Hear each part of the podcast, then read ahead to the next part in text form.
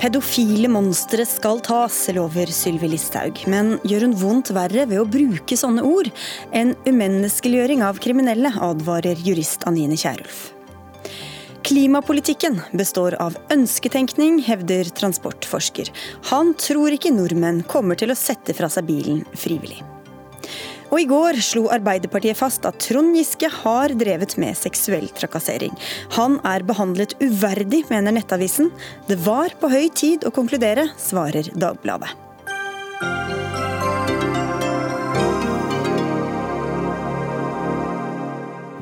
Du lytter til Dagsnytt 18 på NRK P2 eller ser på NRK2 i studio denne fredagen, Sigrid Solund.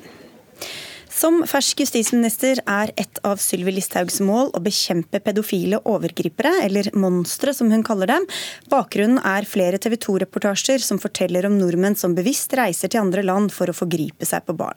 Siden er begrepet monstre blitt brukt av Fremskrittspartiet, senest i et innlegg på Instagram, der de skriver 'pedofile monstre skal tas'. Enig? Denne ordbruken har fått deg til å engasjere deg, eh, Anine Kierulf. Du er fagdirektør ved Norges nasjonale institutt for menneskerettigheter. Her er det snakk om voksne mennesker som begår overgrep mot barn. Hvorfor er det galt å kalle dem for monstre? Nei, Dette er jo de forferdeligste forbrytelsene vi omtrent kan tenke oss. Det er så fælt at det nesten er vanskelig å se, se for seg og lese om disse sakene i det hele tatt. Eh, så det er ikke rart at man tyr til sånne begreper. Eh, men én ting er hva man sinna gjør når man snakker om disse tingene over middagsbordet hjemme. En annen ting er hva landets justisminister gjør som forvalter hele eh, norsk justispolitikk og den strafferettspleien som vi har som en, en sterk norsk verdi, en human strafferettspleie, utviklet av to sentrale høyrestrateger på slutten av 1800-tallet, Hagerup og Getz, som nettopp tar sikte på å behandle mennesker humant, selv om om de gjør de forferdeligste handlinger, at vi straffer dem gjennom et, et rettsstatlig straffesystem, eh, og ikke lar oss styre av følelser, men av nøkterne vurderinger. Men her er det jo ikke behandling, det er jo bare en ordbruk. Er det inhumant å bare kalle dem for monstre? Nei, det er ikke inhumant, men det er en dårlig forvaltning av den offentligheten vår justisminister er satt til å ta vare på, og den arven hun nå har tatt over. Det nytter ikke å være sinna, Sylvi, på samme måten som man er justisminister i dette landet. Det er ingen i hennes etat, de som behandler disse menneskene, de som forfølger, straffeforfølger disse menneskene, de som dømmer disse menneskene, som bruker denne type ord. Og det er ikke bare fordi det ikke trengs, det er fordi det heller ikke hjelper. En, en side ved dette, det er jo hva er det vi kommuniserer til ofrene? For denne type forferdelige overgrep. Når vi dehumaniserer, vi avmenneskeliggjør, vi putter det i en annen boks enn det som er mennesker. Problemet i denne sfæren er jo nettopp at det er mennesker som gjør dette. Og til dels mennesker som står disse barna nær. Kanskje til og med deres omsorgspersoner som de er nødt til å forholde seg til på en annen måte enn at de bare er monstre. Vi kommer litt tilbake til disse konsekvensene. og La oss bare slå fast at det er viktig å både forhindres først og fremst, og også straffeforfølge seksuelle overgrep av barn. Det er alle enige og det er jo ikke det vi skal diskutere diskutere her nå, Sylvi Listhaug. Du er justis- og innvandringsminister. Og I denne opprinnelige TV 2-saken så bruker du dette begrepet monstre i hvert fall tre ganger. Hvorfor det? For jeg synes Det er den verste type forbrytelse jeg kan tenke meg. Det at du voldtar barn. Du sitter på nett og bestiller voldtekter av fattige barn i andre land. Du er med på å ødelegge barn potensielt for livet.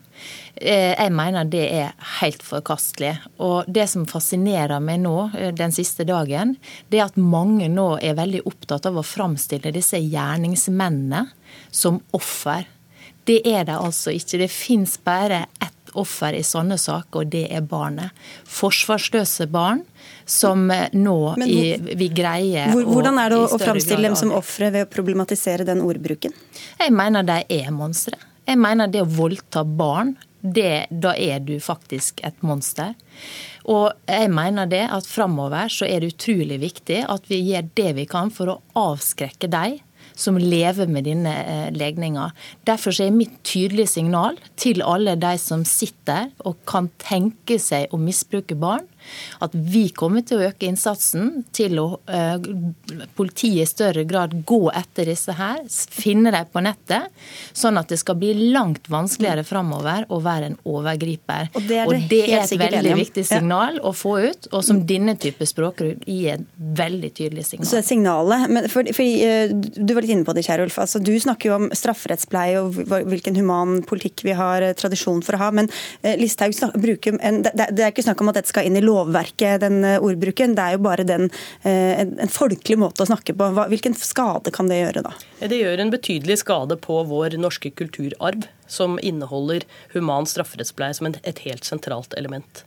Eh, det har vært forvaltet av alle partier opp igjennom, og, og det er svært viktig. Det blir ikke en... straffet annerledes fordi om hun kaller en monstre? Nei, og de skal straffes etter regler, og de skal behandles som mennesker.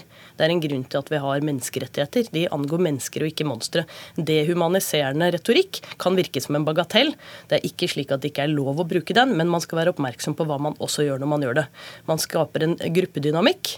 Eh, man, eh, man demoniserer på en måte som ufarlig ufarliggjør det onde som faktisk fins i menneskene. Og det gjør det også vanskeligere for barn å vite hvem de skal passe seg for. De skal passe seg for monstre. Hva da med han snille naboen som var hjemme når mor og far ikke var der? Og det er ikke, Vi skal følge opp det, for det er også sosionom Siri Søftestad skriver i Aftenposten at uh, dette er en problematisk begrepsbruk også for disse barna som blir utsatt for dem. Blant annet, som vi var inne på, fordi mange utsettes fra overgrep fra noen de har et tillitsforhold til. Eh, en forelder eller besteforelder, ikke noen de ser på som monstre. Og at det kan bli vanskeligere å plukke opp signaler fra barn som forteller om overgrep, fordi vi ser for oss for et bilde av monster, og ikke den snille fotballtreneren eller hyggelige onkelen. Altså, Det er jo helt snudd på hodet, og jeg lar meg ikke overraske over at en del faktisk nå skal prøve å opphøye disse gjerningsmennene til offer. Men hvorfor sier jo, du at det er det de gjør? Jo, det er det man gjør. Men de er bekymra for, for, den faktiske ja, konsekvensen for barna? Man er opptatt av å snakke om gjerningsmannen. Jeg er opptatt av å snakke om ofra, disse forsvarsløse barna. Det er det hun også gjør mener, i Aftenposten. Vi er, vi er opptatt av å forebygge dette for ofrene. Ja. Det er jo det som er poenget, og det gjør man ikke med jo, den type retorikk. Jo, det gjør man ved å sende et tydelig signal om at politiet kommer til å prioritere disse sakene. For det finnes en del mennesker i vårt samfunn som har disse tankene. Det å vite at det blir satt ytterligere ressurser inn på å ta dem, mener jeg kan virke avskrekkende men, på en del. Ja, men, det er jo men, flott, og da så, kunne man jo, da kunne man jo styrket strafferettspleien, man kunne styrket ressursene til politiet. Det er, flott. Det, det er flott at dere gjør. Dere kunne styrket uh, satsingen på domstolene. Dette jo, har jo vært et nedprioritert felt i kjempelenge. sånn at hvis, man, hvis, det er det man ønsker å gjøre, så er det veldig mange virkemidler som er mye mer effektive men, enn dette. Men det gjør man jo også. Altså, vi, nå skal vi ha et eget cybercrime-senter i Kripos som skal jobbe for å ta disse her monstrene som sitter og holder på på nettet. Ja, ja. Syns de, det hjelper, Syns de det hjelper at du kaller dem monstre? Vi skal ha flere operasjoner i, i politidistriktet. Altså En av grunnene til nærpolitireformen som mange liksom har gått løs på, det er jo nettopp at du skal ha større miljø, større muligheter til å sette sammen masse fagfolk. Og Det er de virkemidlene som, som, dere helt sikkert er enige om. Men nå snakker vi om denne begrepsbruken. Er det noen kan, av dem som har bedt deg, justisminister, kan du være så snill å bruke dette ordet? For vi vil så veldig gjerne at, at du bruker det, for det kommer til å hjelpe oss i vår etterforskning. Men du skjønner at jeg sitter ikke og hører på hva andre mener jeg skal si, for jeg kaller en spade for en spade. Men politiet skal jo gjøre dette? Ja, og politiet gjør det. Jeg var senest i Ålesund, som har en egen operasjon som gjør det. Og Poenget er at et lite lensmannskontor så klarer ikke å ha ressurser til å ta disse her. men, men du kan bygge opp større enheter, så får du det. Du argumenterer jo bare mot stråmenn her nå. Altså, er, du, du, du, tegner opp et bilde av noen som vil synes synd på de pedofile. Eh, dem har ikke jeg sett noe til i det hele tatt alle ønsker at denne gruppen skal stoppes før ting skjer, og at de skal straffes dersom de begår overgrep. Selvfølgelig gjør vi det. Spørsmålet er hvordan kan vi ivareta den grunnleggende norske verdien som er en human strafferettspleie, som tar utgangspunkt i at det faktisk er mennesker som begår forferdelige handlinger, og, og ikke dyr eller demoner. Systemet er akkurat det samme. Eh, politiet skal etterforske, det skal de gjøre i enda større grad. Vi skal styrke innsatsen. Domstolene skal dømme. Men fra min side som den øverste ansvarlige, så er jeg veldig opptatt av å være veldig tydelig på at vi skal styrke innsatsen. Ja, ja, men som, Hva hjelper det å kalle dem for monstre, hvis du bare kan svare mener, klart på det? Jeg mener det er viktig å kalle en spade for en spade. Når du, når du voldtar barn, når du bestiller voldtekt over internett, ja, da er jeg veldig tydelig på at jeg syns det er, det er mange som er enig med det, er å kalle en spade en spade uten å kalle et menneske som gjør forferdelige ting, for et monster. Du, du, har, du har, Jeg vil kalle dem en, en, forferdelig overgriper, men det er et menneske som gjør det. Du, har, du er øverste ansvarlig, men du har heldigvis en som er øverste ansvarlig over deg igjen. Hun har satset stort på en, en satsing på, mot hatefulle ytringer. Det, den type retorikk som du benytter, den er egnet til å skape hat. Den er egnet til å undergrave den strategien. Tror du ikke folk hater disse menneskene like mye om man kaller det monstre eller ikke? Jo, men det er, ikke noe eh, poeng, det er ikke noe selvstendig poeng at de som skal ivareta en anstendig samtaleform i vårt samfunn bidrar negativt jeg, til dette. Det er to, spør to spørsmål, Listhaug. Fordi Hvor lett tror du det blir for mennesker som har eh, disse forbudte følelsene, seksuelle følelser for barn, men som kanskje ikke har begått noen overgrep, til å oppsøke hjelpeapparatet når, eh, når de blir møtt med, med at de er monstre? De har samme muligheten til å gjøre det videre, selvfølgelig. Men i tillegg så vet de det at politiet kommer til å øke ressursbruken ja, men, for å ta det. Men de som ønsker å oppsøke hjelp foreldre, fordi, de er, fordi, de er, redde for å begå overgrep, eller de vil, liksom, de få hjelp til å håndtere de følelsene? Tull. Altså, Man har muligheten til å kontakte hjelpeapparatet hvis man vil det, men det man da i tillegg vet, er at vi kommer til å øke ressursinnsatsen framover for å ta de som begår den type overgrep. Men tror du ikke at det gjør noe med, med, med, frykten for hvordan de kan bli møtt? Hvis, de, hvis vi kommer til noen og sier 'jeg har seksuelle følelser for barn', og så vet vi at der ute så, så sier justisministeren at de er monstre? Nei. Det er et profesjonelt hjelpeapparat som skal håndtere disse sakene. så Det tror jeg de veldig fint forstår. Men det jeg er opptatt av, det er å faktisk passe på våre forsvarsløse barn. Gjøre det vi kan for å hindre overgrep, voldtekter. Og bilder som er vist, altså det er så groteskt. De som sitter og jobber med dette her, er er bare full av beundring for at noen Helt greier det. Men du, I mange tilfeller så er det jo også barn som begår disse overgrepene mot en søster eller en fetter. Er de også monstre? Det er barn som trenger hjelp. og Derfor så er det så utrolig viktig å finne de som begår disse overgrepene, sånn at de kan få hjelp. Så når de er barn, så er de ikke monstre? Da er de barn som virkelig trenger hjelp. Det er å håpe at uh, denne innsatsen får den eh, ressursprioritering som du sier. Det tror jeg vi alle er veldig glad for. Men så er det også å håpe at vi kan snakke om dette på en saklig måte med innestemme. Det, ikke, dette, vent litt. Det handler ikke om partipolitikk heller. Er, for tre-fire år siden så gikk Abid Raja ut og kalte en annen kriminell gruppe for uh, skadedyr. Da fikk han betimelig kritikk av Høyres Torbjørn Røe Isaksen. Jeg håper at Høyre uh, også nå vil være seg sitt ansvar som rettsstatsminister rettsstatsparti verdig å ta et oppgjør med denne retorikken. Men er det ikke også et ganske tydelig signal, da, som Sylvi Listhaug sier, at de som driver med det, det er monstre? Det er ikke noen vi skal på en måte se lett på i det hele tatt? Det er ingen vi ser lett på. Vi har nettopp gjennom vår eh, humane strafferettspleie et av de mest velfungerende eh, kriminalsystemene i verden.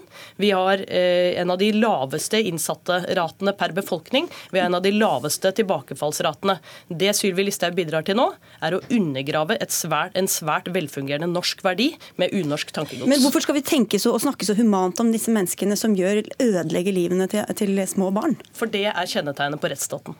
Det vi skal gjøre, det er å ta langt flere av disse som sitter foran PC-en, som holder på å lure barn, som voldtar dem, som sitter og bestiller voldtekter over nettet. Og det er det fullt mulig å gjøre uten sånn retorikk. Som, nei, det er viktig å være tydelig og kalle en spade for en spade. Og Hvis de da har sonet ferdig, er de fortsatt monstre? Da får de, altså Noen vil jo være i forvaring fordi man er redd for at de skal begå det på nytt. Andre kommer ut og får muligheten til å leve livet sitt videre. Da har de gjort opp for seg. Eh, og da eh, må vi gjøre det vi kan for å forhindre at de som får tilbakefall, at det de slipper ut. Helt på tampen, som vi var inne på så vidt, eh, De menneskene som, som driver med dette, politiet eller de som behandler dem, hva slags respons har du fått fra dem på denne ordbruken? Altså, jeg er ikke opptatt av å få respons på ordbruken. Jeg er opptatt av at de nå er enige med meg i at dette skal prioriteres. Derfor er jeg veldig glad for at Så du har ikke hørt fra noen om, om hva de synes om dette? Derfor er jeg veldig glad for at Kripos at Kripos skal ha et eget cybersenter som skal jobbe med bl.a. denne type saker, og at politidistriktene eh, står på for fullt. Og så får du fortsette å forsvare disse gjerningsmennene og framstille dem som offer, og så skal jeg fortsette jeg å bekjempe uh, disse som faktisk dine. er voldtektsovergripere. Jeg vil slutte med en oppfordring. Spør de du stoler på som bekjemper den type kriminalitet, om din retorikk hjelper dem. Jeg kommer til å kalle en spade for en spade uansett, og har ikke behov for noe eh, velsignelse verken fra deg eller fra andre. Dere, takk skal dere ha for at dere kom denne fredagskvelden, Anine Kierulf og Sylvi Listhaug. Dagsnytt 18 alle hverdager kl 18.00 på NRK P2 og NRK2. Det har senket seg et eh, ekkokammer av ønsketenkning over hele det klimapolitiske ordskiftet, og man kan få inntrykk av at politikerne ser klimapolitikken som en konkurranse om å framsette de mest hårete målene. Mål og virkemidler sauses sammen, og sykler, busser, effektiv teknologi og førerløse biler er selvsagt løsningen på det meste.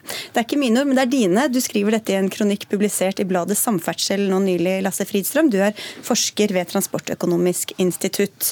Og for eksempel så skriver du at ambisjonene om drastisk redusert eh, biltrafikk i åra som kommer, framstår nærmest som fri fantasi. Hvorfor sier du det?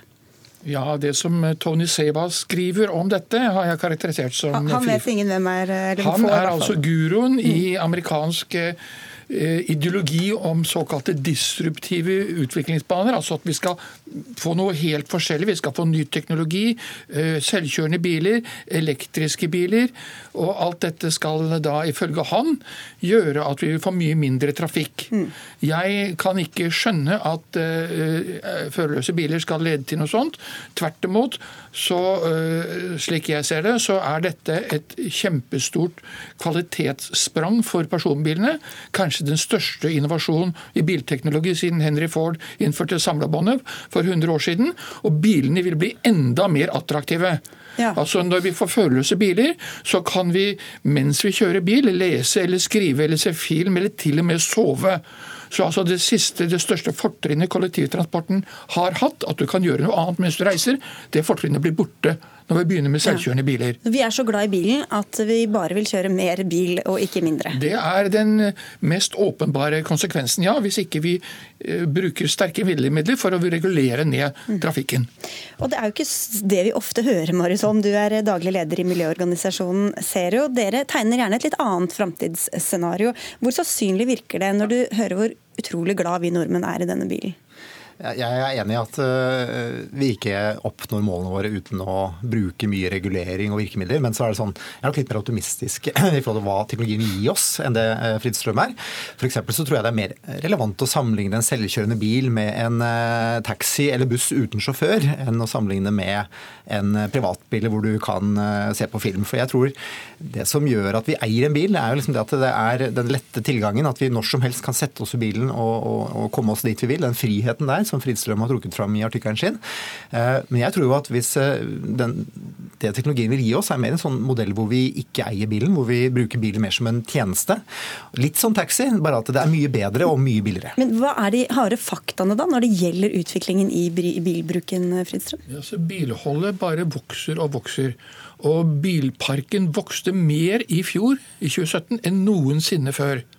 Den vokser med drøyt 2% per år, og det har den gjort siden før århundreskiftet. Ganske jevnt og trutt. Så det er ingen tegn til at bilholdet skal begynne å gå ned i Norge. Men det kan selvfølgelig tenkes at delebilordninger etter hvert vil føre til at vi klarer oss med færre biler. Men det betyr ikke mindre bilbruk Nei. nødvendigvis. Så det vi egentlig skal, er jo å eh, ikke ta, kjøre mer bil. Vi skal tvert imot eh, bare gå mer og sykle mer og ta mer kollektivtransport. Det er det alle politikerne er enige om, Marisol, men da ser det ikke ut til at det går i den retninga? Det går i den retningen i de største byene. I Oslo f.eks. så er det jo ikke Planken er så eller Det har jo vært nærmest nullvekst i biltrafikken, selv om det er stor befolkningsvekst. Så man lykkes. Men det er jo som Fridtjof sier, det går jo ikke av seg sjøl. Eh, det blir flere biler i Norge, men vi kan hindre at de blir brukt mer. Men når det gjelder den teknologiutviklingen vi har, så er det sånn på den ene side så vil bilene kunne bli elektriske, hvis vi altså utslippsfrie, hvis vi styrer bilparken i den retningen. På den annen side kan de også bli selvkjørende, eller de kan inngå i delingsmodeller. Og det, det som jeg tror eh, er den viktigste driveren for at folk slutter å eie bil, det er at det ikke er plass til den. Vi ser nå i eh, mange bydeler i Oslo så fjerner man gateparkering eh, for å frigjøre plassen til andre formål. Og da vil det være flere og flere som tenker at den bilen den gir meg mer bryderi enn glede. Og så møtes den eh, utviklingen der av nye tjenester og ny teknologi som gjør det veldig enkelt å kvitte seg med bilen, men likevel ha tilgang til bil de gangene det er fint, når du skal på tur eller på Ikea. Men i hvert fall, Ola Elvestuen, klima- og miljøminister, tilsynelatende ganske usikkert da, om ikke annet hvordan dette transportsystemet kommer til å se ut om 10-20-30 år. Hva er det dere legger opp til egentlig at kommer til å være utviklinga? Ja, Hva som er den teknologiske utviklingen og hva det faktisk kommer til å føre til, det tror jeg er, det tror jeg er vanskelig å se foran seg å se for seg. Så det Vår oppgave er, er å drive framover en teknologisk utvikling. Og vi skal ha ned utslippene eh, nå, samtidig som vi har en god mobilitet. Så det vi gjør, er jo at du skal drive fram det med nullutslippskjøretøy, med elbiler, med brenselceller, med hydrogen. Det gjør vi jo. Vi har jo videreført eh, avgiftsfritakene på det. I de store byene så har vi et mål om at du ikke skal ha en økning i bilbruken. Det er legget ut rette for gående. Vi styrker kollektivsystemene. Jeg tror de fleste kollektivselskaper i Norge i dag har god økonomi, og det er et langt bedre tilbud enn det det var eh, tidligere. Og du legger til rette for sykkel. Ja, Men det er jo ikke Også, sånn at all økning skjer med sykkel og gang og, nei, i, de store byene, I de store byene, i og rundt de store byene, så lykkes man ganske bra med det. Eh, og det er det også som er formålet. Når det gjelder totalt sett i landet, så handler jo dette først og fremst å få ned utslippene. Det er, ikke, det er jo ikke sånn at du ikke skal kjøre bil også i framtida, men vi skal ha ned utslippene. Både med en omstilling til nullutslippskjøretøy, og, og nå så bruker du også for å få ned utslippene på kortere sikt i Norge, så er det også nødvendig med innblandingskrav med biodrivstoff. Med de dilemmaene mange, mange det har. Men, ja, du må gjøre mange ting på en gang for å nå men, disse målene. Eh, mange elementer i debatten også. Men du, Fristrøm, du, du peker også på at det er lite rom for motforestillinger i dette ordskiftet. Hva tenker du på da? Ja, jeg syns det er rart at vi ikke diskuterer virkemidlene for å nå disse målene. Det er liksom om, Når disse målene er satt opp, så er det nok. Og når politikere, det jeg har observert iallfall, blir utfordret på hva er virkemidlene, så svarer de bare at det skal være bare nullutslippsbiler i 2025. Men ingen av dem vil fortelle hvordan vi skal få det til. Nei, målet, målet, er hele tiden klart? Målet er hele tiden, og Det virker som politikerne tror at målet er virkemidlet, men sånn er det ikke.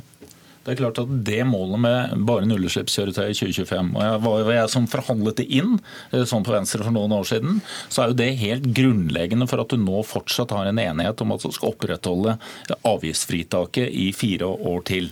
Og Så må du gjøre en vurdering av hva må du fortsatt gjøre for å nå målet i 2025. Det er også en kobling mellom det avgiftsfritaket, målsettingen og også de hvordan, øvrige hvordan, Hva skriver dere i, i, regjerings, i, i regjeringserklæringa deres om dette, hvordan dere faktisk skal nå, nå dette målet? At at du, har, at du ikke har avgifter eh, på elbiler fram også i denne stortingsperioden. Det bindes opp også i disse fire. Legge en plan, står det.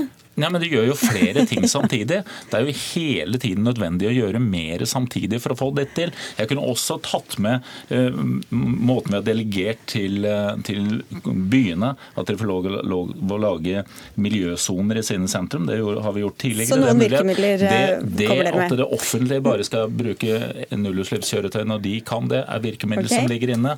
Det at du har de samme insentivene inn mot Vi skjønner du har en lang liste. Vi hører med ja, Holm da, om, om, du er fornøyd med, med virkemidlene? vi vi er veldig fornøyd med at man eh, gjør det attraktivt å velge elbil. Men, kan, men, mer attraktivt enn det er nå, er det ikke mulig å gjøre det. fordi det er ingen avgift. ikke sant? Så hvis vi skal uh, unngå at folk velger å kjøpe nye fossilbiler, så må vi stramme til virkemiddelbruken mot fossilbilene, mot de forurensende bilene. Og I 2017 så kom det 130 000 nye forurensende biler inn på norske veier. Biler som vil være med oss i 10-15 år til, eller eh, fram til 20, over 2030. hvor Eh, mål, utslippene i Norge skal ned 40% Og De bilene, når de først er kommet på veien, så er det ganske vanskelig å bli kvitt de. Så det som er om å gjøre, er å unngå at folk kjøper de, og derfor så må man tørre. Og der vil Elvestuen få en utfordring, for han skal lage statsbudsjett uh, i disse dager. Og der er man nødt til å stramme til skruen og gjøre de forurensende bilene dyrere, så folk velger nullutslippsbil. Som også er det man har gjort de siste årene, nettopp å se på engangsavgiften. At du legger større vekt på utslippene, sånn at prisforskjellen blir større. Men det er ikke lenge til 2025, da? Nei, nei, og så vet vi at dette er, dette er, noe som må både utredes og du må justere eh, virkemiddelapparatet hvert eneste år. Og så er det klart at nei, det er ikke lenge til 2025. Men det er heller ingen land i verden som har kommet lenger enn Norge for å nå dette målet. Vi gjennomfører ting i transport transportsektoren i dette landet som ingen andre land er i nærheten av. og Da kunne du tatt med elferger og systematikken på område etter område som virker. Det er riktig som Ola sier her. Norge er foregangslandet når det gjelder elektrifisering av bilparken. Det er ingen land som er i nærheten av å elektrifisere kjøretøyparken like raskt som vi gjør. Men mitt poeng er at selv om det går fortere i Norge enn i noe annet land, så går det ikke så fort at vi kan regne med å nå målet i 2025. Hva slags virkemidler hadde vært effektive til ja, å faktisk nå det? Må du kanskje spørre politikerne om. Mm.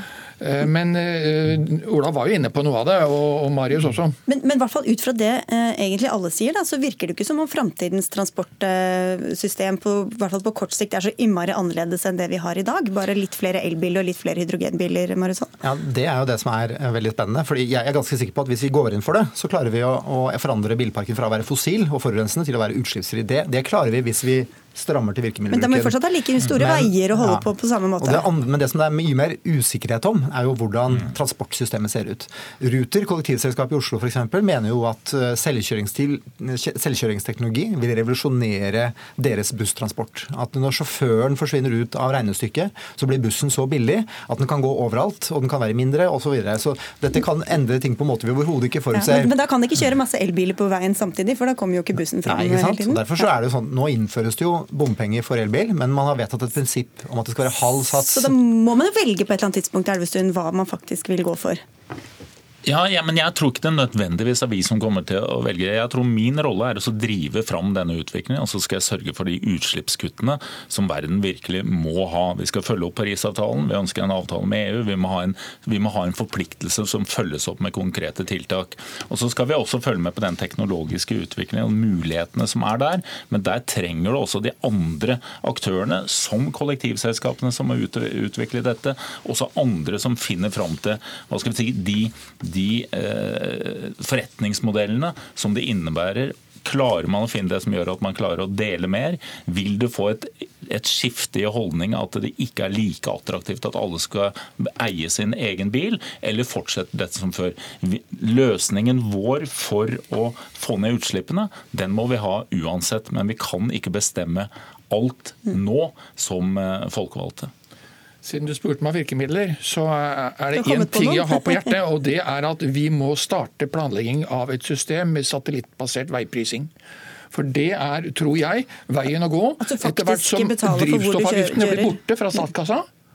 Og vi må finne en måte å sørge for at også de tunge godsbilene etter hvert blir utslippsfrie. Og da må de betale en kilometerpris som er så høy at det lønner seg etter hvert med hydrogenlastebiler. Dette høres ut som en helt uh, ny debatt. Du kan jo si ja, yay or nei. Uh, ja, dette vil dette utredes, og, og, det vil det være en diskusjon om framover. Mm. Og inntil videre er vi i hvert fall veldig glad i den varme bilen vi kan sette oss i, virker det som, uh, Lasse Fridstrøm, hver eneste dag. Ja, bilen har tolv fordeler som jeg har listet opp i min artikkel, og den 13. kommer altså med de selvkjørende bilene. Takk skal dere ha alle tre. Marius Holm fra Zero, Lasse Fridstrøm fra Transportøkonomisk institutt og klima- og miljøminister Ola Elvestuen.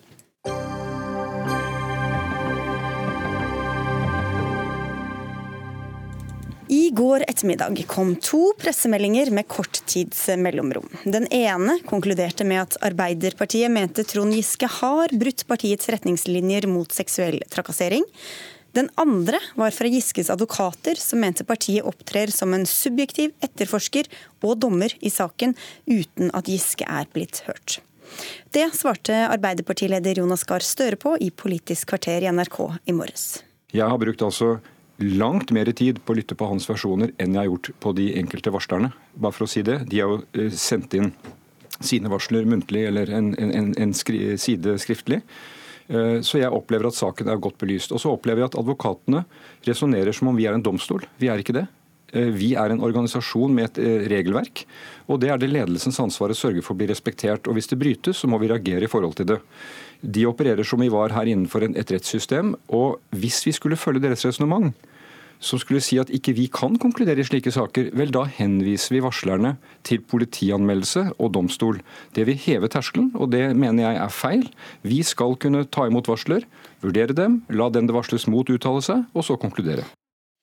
Og dette sa altså Jonas Gahr Støre i P2 i morges, og i mellomtiden hadde du skrevet en uh, kommentar om dette i avisa di i Dagbladet, Marie Simonsen.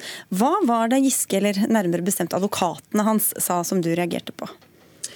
Eh, Jeg stusset jo, stusset jo, litt over at de var så voldsomme på at uh, Trond Giske ikke hadde blitt hørt og ikke fått tatt i motmæle og ikke svart på disse anklagene. fordi at eh, sett utenfra og dels innenfra, så har jo tvert imot noe av kritikken mot Jonas Gahr Støre var at dette har vært veldig omstendelig og grundig, og at eh, Giske har fått uvanlig mye innsyn.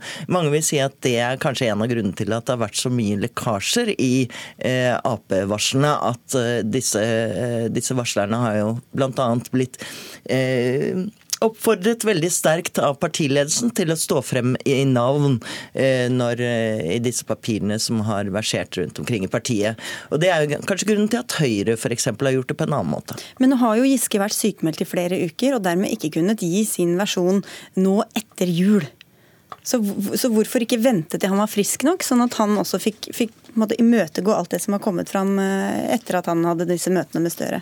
Altså, Nå er ikke jeg her for å prosedere Jonas Gahr Støres sak, men, men, men, selvfølgelig skal han ha rikelig anledning til å imøtegå anklagene. Men slik det er kommet frem, så har han jo fått det. Han har gått gjennom alle sakene, han har fått løpende informasjon. Advokaten hans har fått informasjon. De har sittet i lange møter. Det har vært tilbudt hele veien om at han kommer kom med kontradiksjon. Det jeg syns er litt midt oppi dette, så glemmer man jo litt at disse varslerne sitter der og har en alvorlig sak og er en vanskelig sak. Noen av dem jobber faktisk i Arbeiderpartiet. Eh, de har et krav, de også, hvis man først skal snakke om rettsvern her, at de har et krav på en rimelig og rask behandling. Og det er vel eh, fem uker, eh, syns jeg jo ikke er sånn urimelig kort.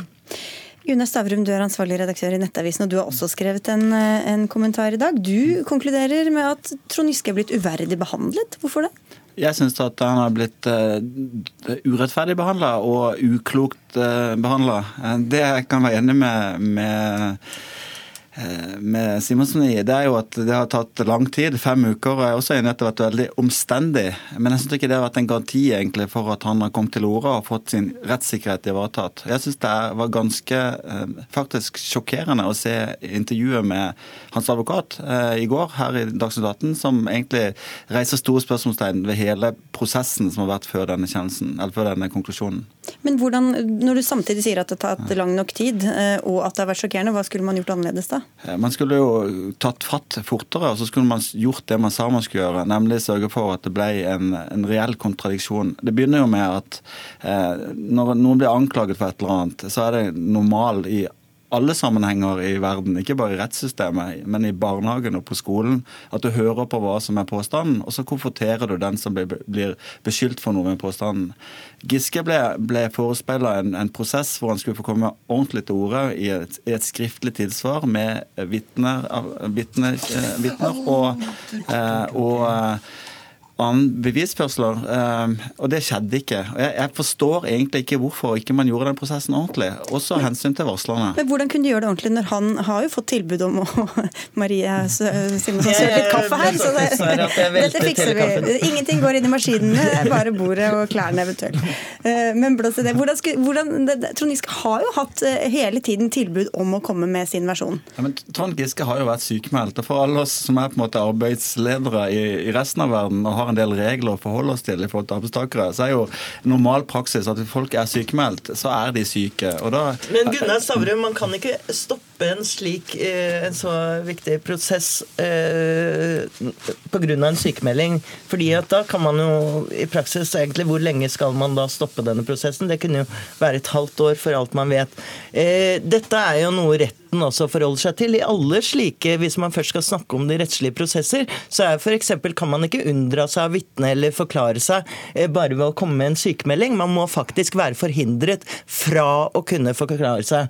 Og det, det kan man jo spørre om han er. Men, eh, men eh, da gjør jo dommer en vurdering av om personen på en måte er syk eller ei. Det holder ikke bare en sykemelding. Men jeg har ikke sett noen fra Arbeiderpartiet som hevdet at ikke Trond Giske er syk. Hvis de hevder det, så får de hevde det.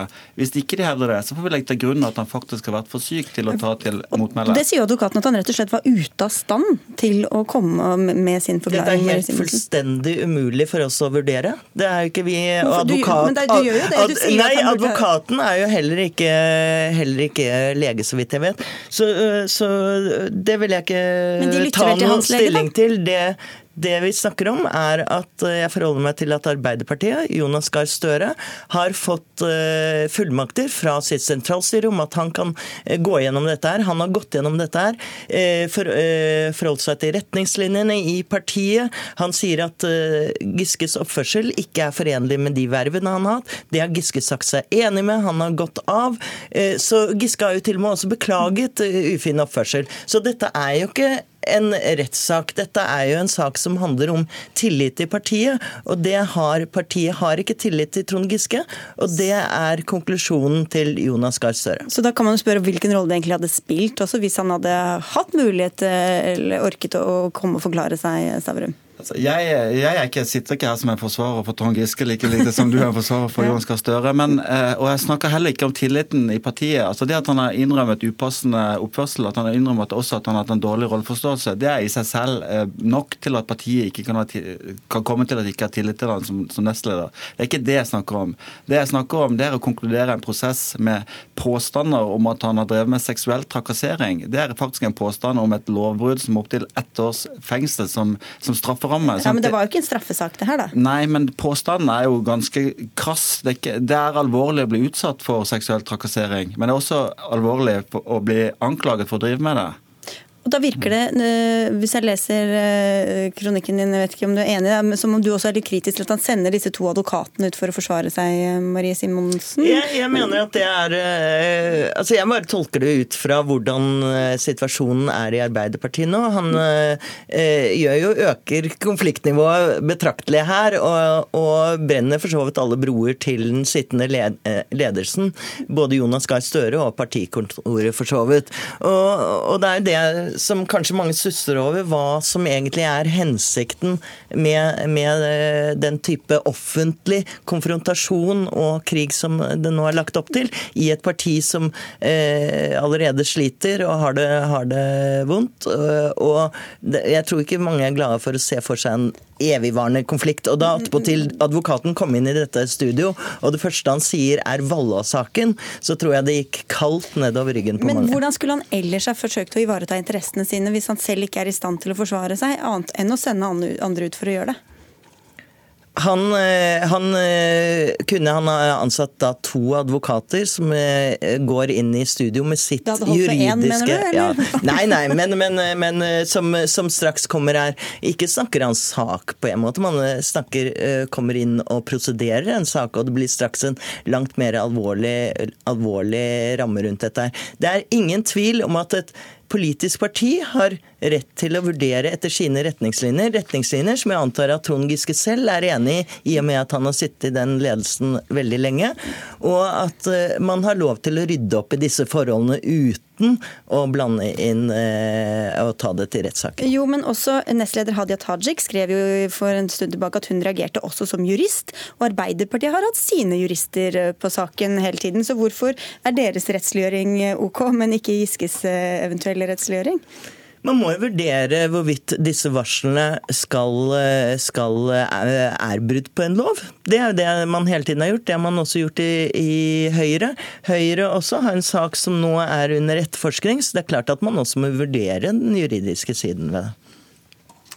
Jeg, jeg synes Et hensyn som ikke har vært oppe, som jeg synes også er ganske viktig, det er at, at, når man endelig treffer en konklusjon i selve varslingssakene, så er det viktig at den konklusjonen eh, blir minst mulig eh, eh omdiskutert i ettertid. Og det, det, tror jeg man hadde oppnådd mye bedre ved å sørge for en mye grundigere kontradiksjon fra Giskes side. For nå får vi debatt med en gang hvor Giske og Giskes advokater mener at prosessen ikke har vært rettferdig. Men Da måtte de kanskje vente i en måned eller to måneder mens alle disse varslerne sitter og ønsker å få saken lukket? Jo, men dette er jo også saker som nesten er ti år gamle. Så om det hadde vært en uke eller to til før vi fikk en ordentlig behandling, så tror jeg at man rett og slett må finne seg det. Men, men her hørte vi altså ved innledningen så hørte vi at Jonas Gahr Støre, og det har jeg ikke sett noen benekte, at han har to lengre møter med, med Trond Giske hvor de har gått gjennom saken. Eh, nøye. I ni timer har de sittet sammen, gått gjennom alle sakene. Giske har fått lov til å fortelle sin versjon, forsvare seg, og konklusjonen er likevel klar, eh, klar og Giske har sagt seg enig i denne konklusjonen. Da får vi se om det blir noe rettslig etterspill. Mandag skal i hvert fall Arbeiderpartiet ha både sentralstyremøte og landsstyremøte, hvor de skal bl.a. snakke om dette. Dere får takk for at dere kom, og ta dere litt kaffe på vei ut igjen.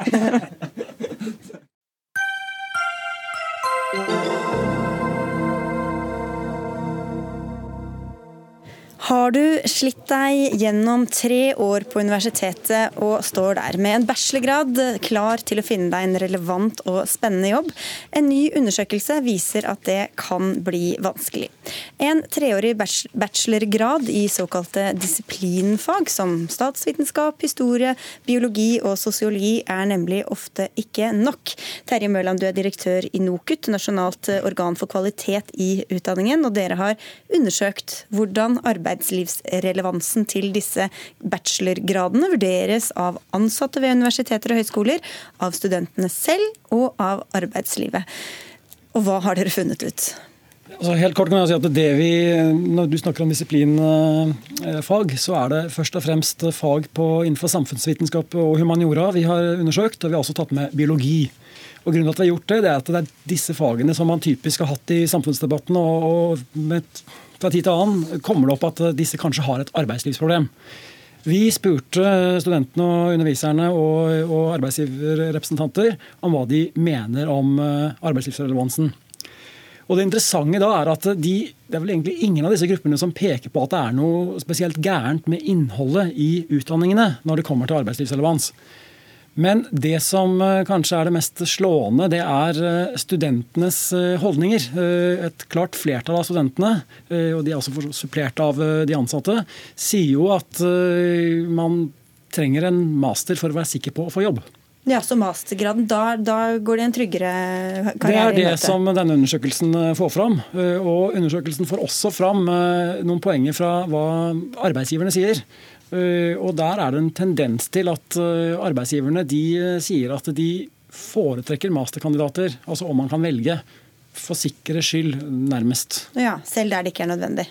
Vi har ikke akkurat spurt så detaljert, men Vi kan, vi kan ja. komme inn på det. Du, Rune Fosshaug, du er avdelingsdirektør ved Avdeling for kompetanse og innovasjon i NHO. Arbeidslivet har altså i hvert fall delvis skylda. Hva sier du til det? Ja, jeg tror ikke det er noe poeng å fordele noe skyld her. For det første vil jeg si at jeg synes den rapporten er veldig god. Den verdien den gir, er nettopp at den har foretatt de spørreundersøkelsene som, som gir et klart bilde av problemet. og Det syns jeg er veldig godt. Og Fra, fra NHOs side så er det viktig å påpeke at uh, innholdet i disse programmene må bli mer relevant for arbeidslivet. Det tror jeg er viktig å jobbe med, og det tror jeg alle her er enige om. Og Da er det om å gjøre å utvikle programmer kan, hvor, du kan samarbeide tett med, med, med, arbeidslivet. Hvor du kan skrive oppgaver både om og i re, relevante bedrifter. Det tror jeg er viktig å få fram. Men så er det, som vi var så vidt inne på, både denne undersøkelsen og tidligere forskning, bl.a. vel eh, deres eget kompetansebarometer, viser ja. at arbeidslivet ofte ansetter folk med mer kompetanse enn det egentlig er behov behov for i den stillingen. Eh, hvorfor velger da bedriftene som, som, som de gjør, tror du?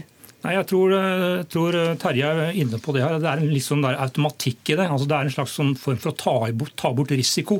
Man velger en master fordi man vet at med en master så får man en kandidat som har de nødvendige analytiske kunnskapene. Det er en trygt valg.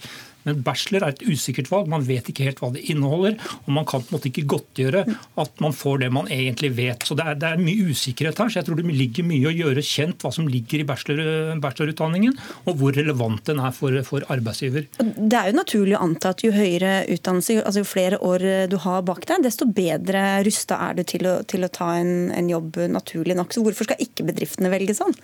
Altså jeg synes at eh, Bedriftene og, og, offentlig forvaltning må jo velge det som passer dem best. Eh, men det er ikke nødvendigvis sånn at en lengre utdannelse, en tyngre utdannelse, eh, gjør deg bedre egnet til alle typer arbeidsoppgaver i, i arbeidslivet.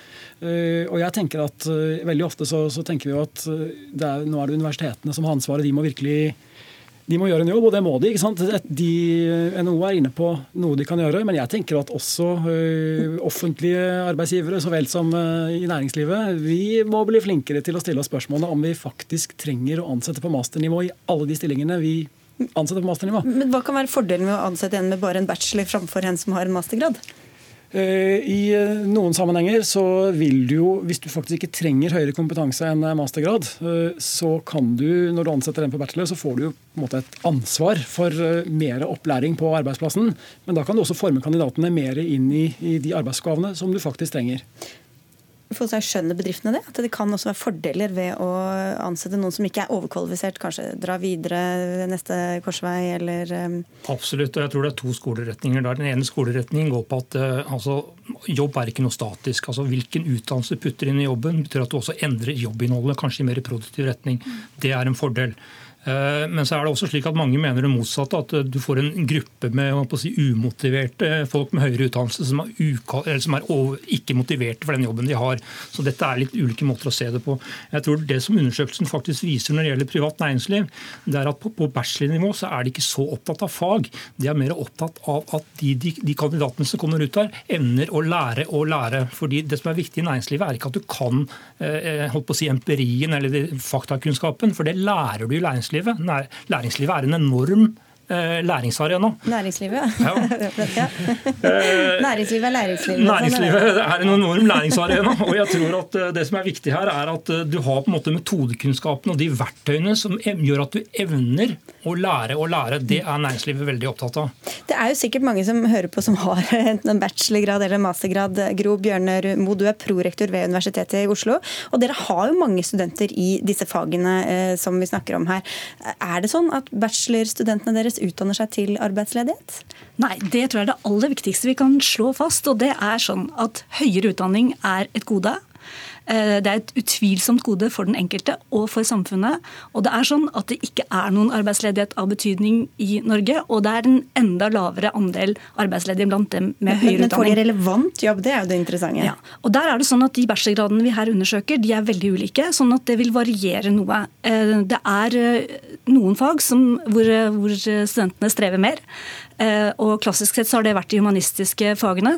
Der har det til gjengjeld vært satt inn store krefter de siste ti årene på å sette i gang den type tiltak som vi her diskuterer, nemlig hvordan vi kan binde uh, utdanning og arbeidsliv tettere sammen. Og det syns jeg vi gjør med stort hell. Hva sier den undersøkelsen deres om, om innholdet i den utdanninga de får, da?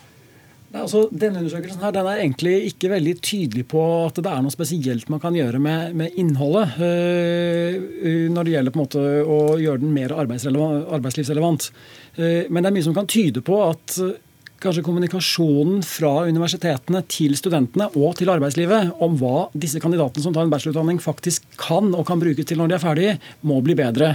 Og Et grep er jo da selvfølgelig å samarbeide mer med arbeidslivet, tilby bacheloroppgaver som er relevante eh, for arbeidslivet. Det tror jeg begge parter vil tjene på. Så dere to må snakke mer sammen, eh, lærings, læringsliv og, og universitet? Ja, med glede.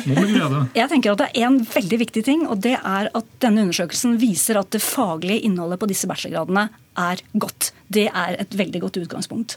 Så er Det sånn at det skjer veldig mye nå i samarbeidsflaten mellom akademia og arbeidslivet. Og de bachelorgradene vi her snakker om, det er sånn at eh, Matnatt på Universitetet i Oslo de har nå et utviklingssemester hvor studentene kan gå i praksis. HF er ferd med å gjøre, altså Humanistiske fag er i ferd med å gjøre det samme. Og de samfunnsvitenskapelige fagene er utrolig gode til å tilby karriereveiledning. Og vi har et karrieresenter som mm. hjelper oss. Så jeg vil si at her er det utrolig mange mekanismer som allerede er på plass. Så rart at ikke de får relevant jobb, da, når alt er så bra. Men det sa jeg ikke. Det varierer. Det er mange som f.eks. innenfor informatikk så får du fag før du er ferdig med Nei, for jobb før du er ferdig. ja. Altså min påstand er at det, var, at det, er blitt bedre de siste årene. Det jobbes ganske bra nå på universitetet og på høyskolesektoren for å få mer eh, interaksjon med næringslivet. Det jobbes bra med programmene, og vi er i dialog om utforming av selve utdannelsen. Og det jobbes bra med på en måte, tanken rundt hvordan man skal arbeide med arbeidslivet. Det var inne på dette med felles, felles eller studiegivende praksis, som er én måte å gjøre det på. Men det å få oppgaver som skrives i bedriftene, om bedriftene, er også en måte å gjøre dette her på. Vi har jo snakka en del om at for mange tar mastergrader, og at for mange, altså det er unødvendig mange som tar disse lange utdannelsene. Kanskje vi trenger flere innen praktisk retta yrker. Er det mer sånn at man, det er i hvert fall ikke vitsen med de som tar sånn litt lang utdanning, at enten så må man ta ordentlig lang masterutdanning, eller så må man heller finne seg noe mer håndfast å gjøre, eller? En teori jeg kaster ut nå ja, ja, det, er, det er ikke en dum teori. men jeg tror at hvis man ser på, Det viser jo undersøkelser fra OECD også. Når man ser på hvilke ferdigheter er man trenger i det 21. århundre, så peker OECD helt klart på evnen til analyse, til problemløsning, til kommunikasjon og samarbeid, til refleksjon. Og Det er jo på en måte eh, holdt på å si, viktige egenskaper også i digitaliseringens tidsalder. At du lærer deg på en måte den type tankegang. og Det får du også på universitetene, og det får du også med en bachelorgrad. Det tror jeg er viktig å ha i mente. Derfor må man styrke bachelorgraden, slik at den blir en selvstendig grad som kan stå på egne ben. Og så må dere si til, til bedriftene at det, det, har en verdi å ansette folk med bachelorgrad. Altså, for bedriftene så er det jo utrolig viktig å gjøre en grundig rekruttering. For det er verken bra for den enkelte, for bedriften eller for samfunnet at de gjør en grundig rekruttering. Og min erfaring er at bedriftene er gode på det. De kjører psykologiske analyser, de kjører tester. Så de er blitt veldig gode nettopp for å redusere andelen feilansettelser som er viktig for dem. Du får en avsluttende kommentar fra begge dere også. Ja. Altså jeg tenker at eh, Du reiser et viktig spørsmål. Det er jo ikke egentlig bare diskusjonen om vi trenger masterkandidater eller bachelorkandidater innenfor disse fagene. Eh, jeg tror Med tanke på hva Norge trenger av kompetanse i framtiden, så må vi ha en bredere diskusjon om hva slags type utdanninger, og også få mer fokus på de praktiske fagene. Jeg å bare vise ett eksempel. Vi har 250 000 eh, studenter cirka, som tar høyere utdanning i hvert eneste år. Og så har vi høyere yrkesfaglig utdanning med bare 15 000 studenter. Det er noe vi må diskutere mer om seinere. Vi kommer til å trenge mange ulike kandidater i framtida. Vi kommer til å trenge både bachelorkandidater, masterkandidater og dem med ph.d. Eh, det er helt klart at både arbeidsliv og akademiet vil tjene på å ha tett kontakt om alle disse gradene og om framtidas eh, utdanning. Jeg tror Vi trenger liksom fortsatt faglig gode grader med tett kontakt med arbeidslivet, og vi trenger et arbeidsliv som er nysgjerrig på den delen av akademia de ikke kjenner ennå. Det er hyggelig at vi kan være med på å bringe dere sammen her. Takk skal dere ha for at dere kom, Terje Mørland fra NOKUT, Gro Bjørnerud Moe fra Universitetet i Oslo og Rune Fosshaug fra NHO. Hør Dagsnytt 18 når du vil. Radio NRK Radio.nrk.no.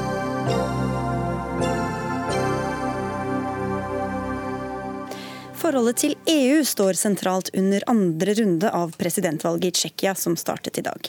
Som i flere andre østeuropeiske land er relasjonen til EU anstrengt. I Tsjekkia er det to motpoler som kjemper mot hverandre, og meningsmålingene viser at landet er nokså delt på midten. Europakorrespondent Guri Nordstrøm, du er i Tsjekkia. Hvilke saker er det som splitter folket der?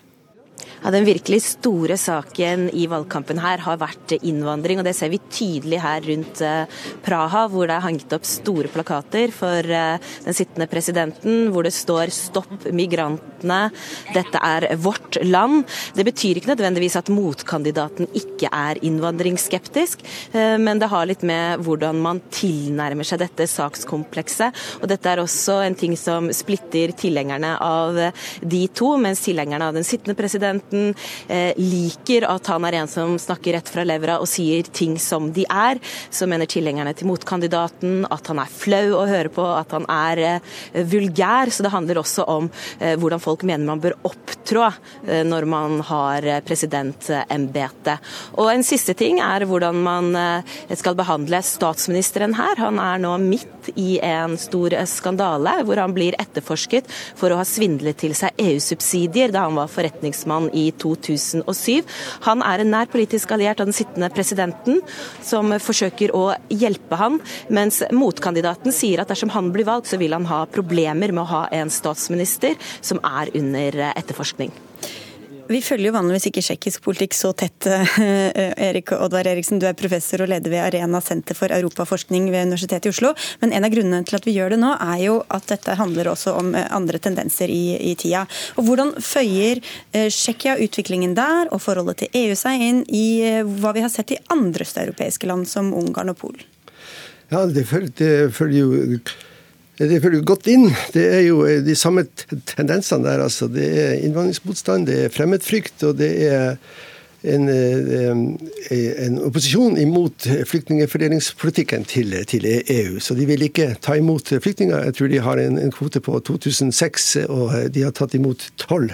Så, så det, og det er de ganske samstemte om, at de ikke skal, skal ha noe av det her. Så det, så ligner på Polen, og de ligner på, på, på Ungarn.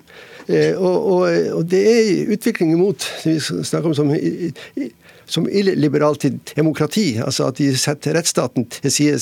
Mm.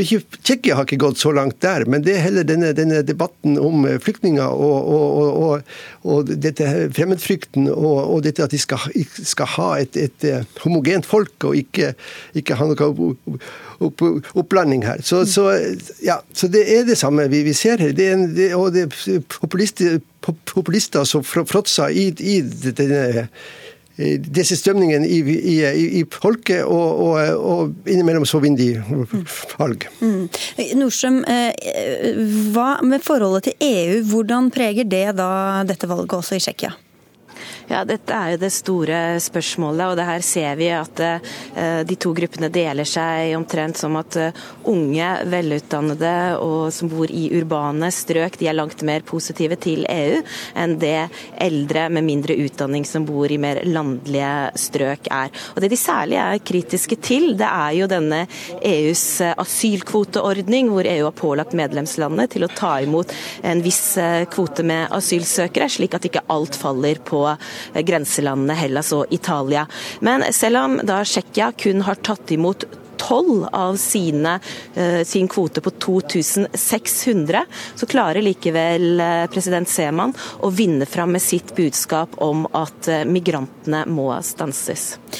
Hvordan forholder EU seg til denne utviklinga i Tsjekkia og disse andre landene, Eriksen?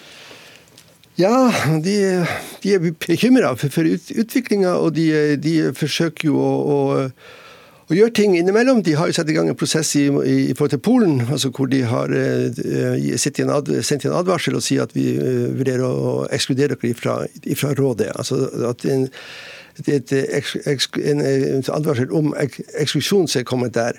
Det er ikke så greit å gjøre sånt imot Tsjekkia, siden de ikke har, har, brutt egentlig noen av disse, disse demokratiske prinsippene. Men eh, det er, det er, det er nå en veldig på, sånn, kraftig påtalt kritikk ifra, og kritikk ifra EU-hold, og det er det er rasling med sablene her om å ta, ta, kutte ned på pengestøtte og sånt. Men da kan det virke som om veldig mange av innbyggerne rett og slett ikke er enig i den politikken EU fører på flyktning- og asylpolitikken? Ja, det er det, jo, det er det jo ikke. Det er jo mange land som, som, som har det slik. Altså. Men eh, det er noe med en del prinsipper som de har skrevet under på når de ble EU-medlem. EU og, og og Det er noen ting med å være solidarisk i Europa med, med, med de andre landene. Så, så, så, her står det om, både om prinsipper, men også om solidaritet. Og, og, og det, er, ja, det har et tak. Hva er det tsjekkerne sier eh, at, at provoserer dem mest ved EU, da, Nordstrøm? Ja, Det er absolutt denne her asylkvoteordningen som de føler blir tredd nedover hodene på dem fra Brussel, og at de eh, sånn sett mister eh, nasjonalt eh, selvstyre. Og Jeg snakket med et par forskere her i går, og de sier at denne skepsisen mot migranter og asylsøkere den har god grobunn i Tsjekkia, fordi at de har liten tradisjon og erfaring på å ta imot asylsøkere. og de er tross alt et ungt demokrati, slik at de ennå ikke er modne for denne oppgaven. Og De oppsummerte det slik at det, her er vi faktisk engstelige for migranter som ikke finnes, og terrorangrep som ikke har skjedd. Ja, Det er jo helt, helt riktig. altså. De, men, men, det, det som er artig, altså, kan legge til her, det var jo det for en generasjon siden så tok Tsjekkia imot ganske mange fra Balkan, og, og deriblant mye, mange muslimer. Og da hørte vi ikke dette her. Så. Men hvor avhengig er disse landene av EU-medlemskap?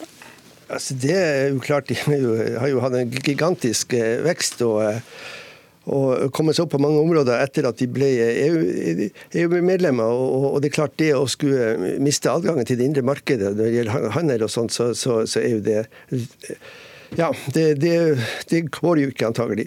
Men også er det jo det at de er jo avhengige også altså, Man skal også huske på at det er ganske stor oppslutning om EU. De hadde avstemning i, i, i sånn eh, meningsmåling i uh, Polen for litt siden. Det var det 90% nesten som sa de var EU-medlemmer. EU, EU og, og eh, altså var tilhenger av EU-medlemskap. Så EU har egentlig sånn oppslutning også, så det, det er veldig mye merkelige og motstridende tendenser her.